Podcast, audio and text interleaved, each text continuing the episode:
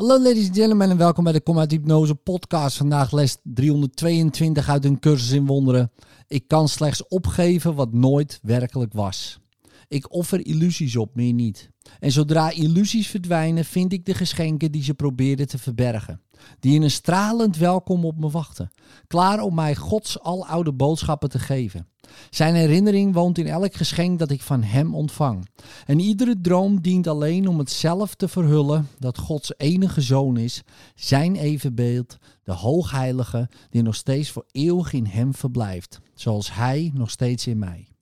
Vader, voor U blijft elk offer voor eeuwig ondenkbaar. En dus kan ik niet offeren, behalve in dromen. Zoals U me geschapen hebt, kan ik niets opgeven wat U mij gegeven hebt. Wat U niet gegeven hebt, heeft geen werkelijkheid. Welk verlies kan ik verwachten, behalve het verlies van angst en de terugkeer van liefde in mijn denkgeest? In liefde, tot morgen.